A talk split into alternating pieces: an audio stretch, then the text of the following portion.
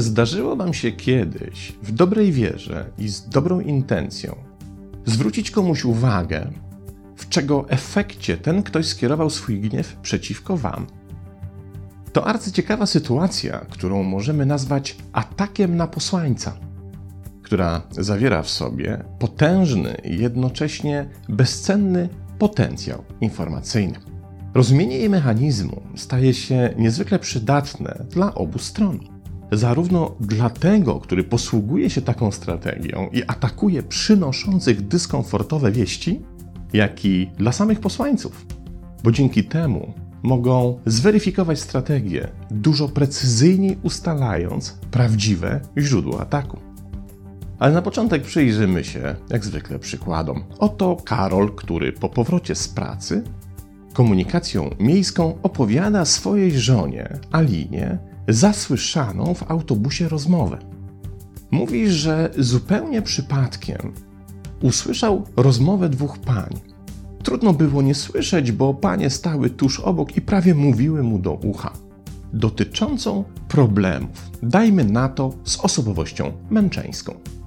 Karol zwraca uwagę swojej żonie, że to, o czym opowiadała kobieta w autobusie, tak naprawdę zdradzało wszystkie atrybuty takiej właśnie osobowości, i zadziwiające dla niego jest to, że ta osoba nie dostrzega tego w sobie i w związku z tym woli zamęczać siebie i otoczenie, zamiast na przykład skorzystać, nie wiem, z pomocy jakiegoś specjalisty, może psychoterapeuty, a na pewno przydałaby się tutaj konsultacja z psychologiem. Jego żona Alina słucha tej opowieści i nagle Karol zaczyna dostrzegać, jak wraz z opowieścią staje się coraz bardziej poirytowana i w końcu jej jedyny komentarz dotyczy nie przypadku owej pasażerki, ale samego Karola. A ty co? Jesteś taki dumny z siebie, że podsłuchujesz czyjeś rozmowy? A może ty jesteś niespełnionym psychologiem, co? Tak łatwo się mówi, a ktoś może naprawdę cierpieć. Karol przeciera oczy ze zdumienia, bo nie rozumie, za co tak naprawdę dostaje się jemu, kiedy miał ochotę jedynie podzielić się ciekawym spostrzeżeniem na temat tego, czego dzisiaj doświadczył. Inny przykład. Stefan stoi na firmowym korytarzu razem z Andrzejem i toczą ożywioną rozmowę o ostatnim meczu. W pewnej chwili podchodzi do nich koleżanka z tego samego działu, Justyna.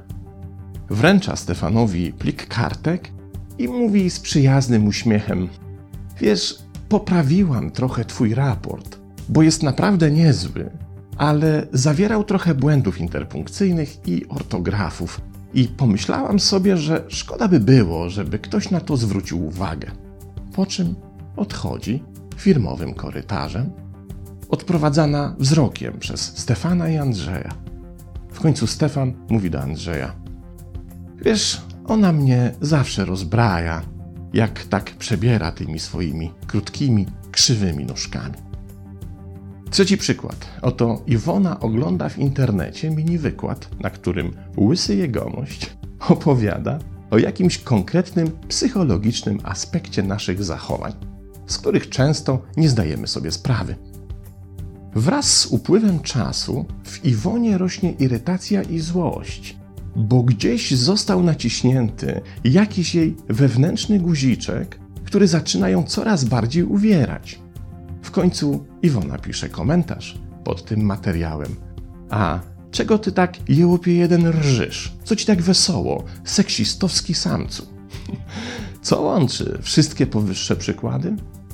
Otóż jeden i ten sam mechanizm złożony z określonych ciągów przyczynowo-skutkowych i wskazujący na rodzaj przeniesienia energii, którego celem ma być pozbycie się dyskomfortowego napięcia.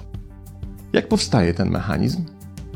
Otóż jego pojawienie się wskazuje na zaistnienie dwóch przeciwstawnych sił, które zostały w tym samym momencie uruchomione w systemie na skutek działania jakiegoś zewnętrznego bodźca.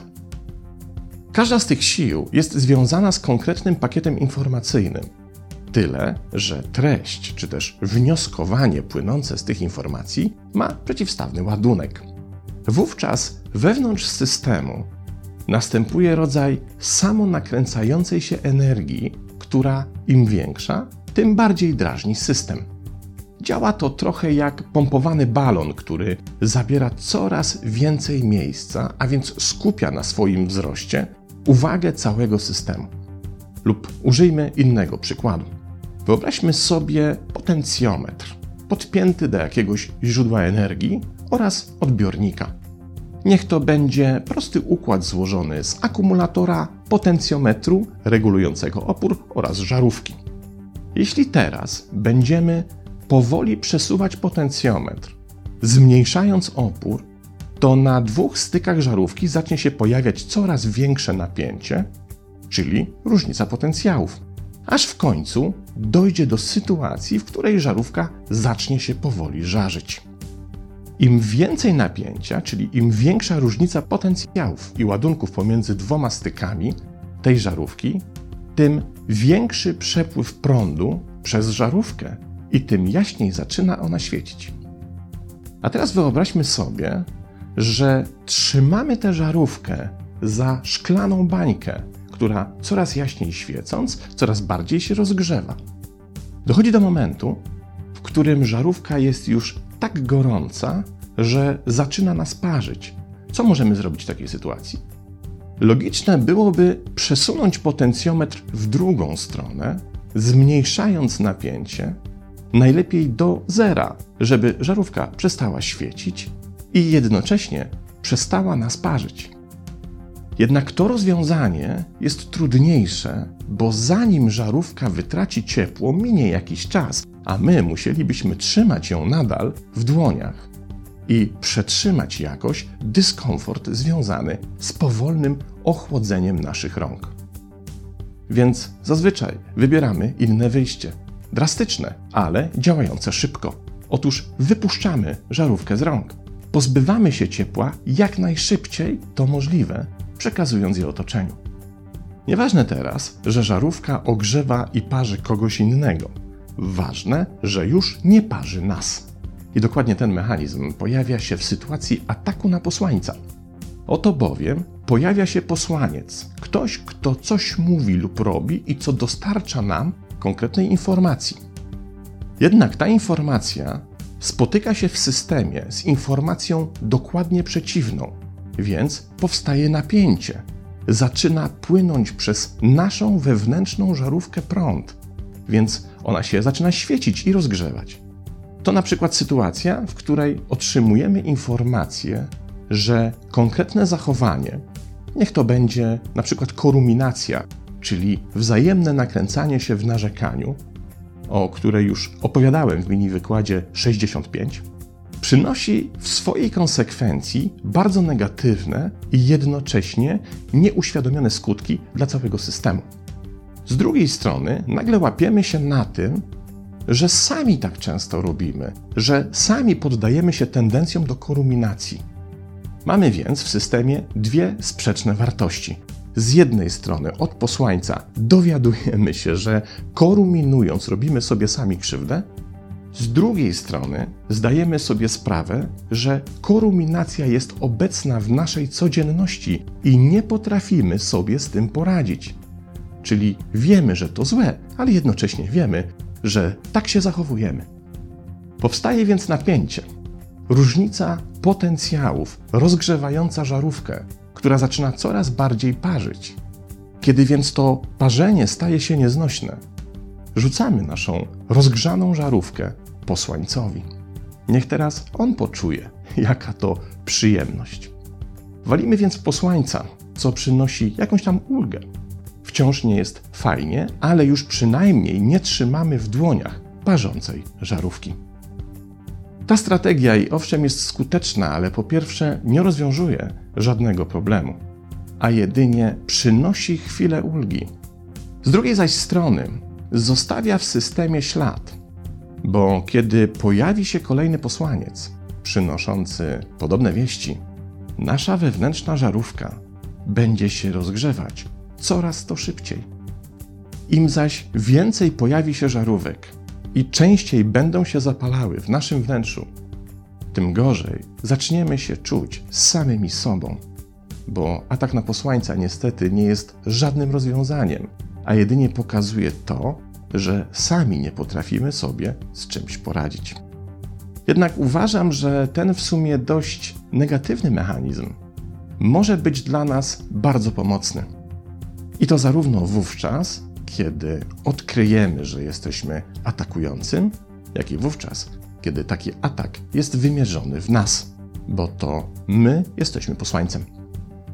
Zacznijmy od tego drugiego przypadku. Kiedy ktoś cię atakuje w efekcie tego, że nie radzi sobie z napięciem, które w nim powstaje, gdy zorientował się, że dotknąłeś dlań dość niewygodnego tematu, to wiedz, że tak naprawdę ten atak jest spowodowany nie tym, że z tobą jest coś nie tak, ale wyłącznie tym, że w ten sposób ten ktoś chce sobie ulżyć. Jego atak na ciebie, jako na posłańca, de facto odkrywa karty, bo informuje, że ta osoba z czymś sobie nie potrafi sama poradzić. Ma coś nieprzerobione, coś ją uwiera, co na ten moment ją przerasta. Jeśli jesteś świadkiem takiego ataku wśród najbliższych, to jest to dla ciebie bezcenna informacja o problemie, z którym boryka się ta osoba, a to z kolei otwiera drzwi do tego, by zacząć myśleć, jak wspólnie ten problem możecie rozwiązać. Jeśli na przykład jesteś menadżerem i zarządzasz ludźmi, to obserwacja takich ataków może być dla ciebie bezcennym źródłem wiedzy dotyczącym tego, nad jakim problemem w relacjach międzyludzkich powinieneś jako menadżer się właśnie w tej chwili pochylić. Jeśli atakuje cię twój partner, to również jest dla ciebie bezcenny sygnał o istnieniu przestrzeni, z którymi on czy ona sobie po prostu nie radzą i o tym, że może warto jego czy ją w tych obszarach bardziej wesprzeć. Posłaniec wraz z atakiem na siebie dostaje bezcenną wiedzę, którą może wykorzystać, aby komuś po prostu pomóc czy kogoś wesprzeć. Niestety wielu posłańców otrzymujących atak po prostu się wycofuje, bo przecież nikt nie lubi, jak mu się dostaje za coś, co przyniósł w dobrej wierze. Jeśli jednak na spokojnie uświadomisz sobie, w jaki sposób działa ten mechanizm i skąd pochodzi prawdziwe źródło ataku, łatwiej ci będzie na nie się uodpornić. I to zresztą jedna z lepszych strategii radzenia sobie z hejtem, prawda? Poznanie prawdziwej motywacji atakującego może być wielce wyzwalające. Ten mechanizm może być również cenną bazą wiedzy o sobie samym dla osoby, która się posługuje właśnie taką strategią, czyli w sytuacji, kiedy odkrywasz, że to ty jesteś atakującym. Co wtedy zrobić? Jedynym sposobem jest przejęcie kontroli nie nad żarówką, ale nad potencjometrem. Kiedy czujesz, że chcesz zaatakować posłańca, po prostu zadaj sobie pytanie: dlaczego? Dlaczego mam ochotę powiedzieć coś, by posłaniec się gorzej poczuł? Dlaczego, kiedy powiedział to coś, poczułam czy też poczułem się rozdrażniony i mam ochotę mu walnąć w tę roześmianą gębę?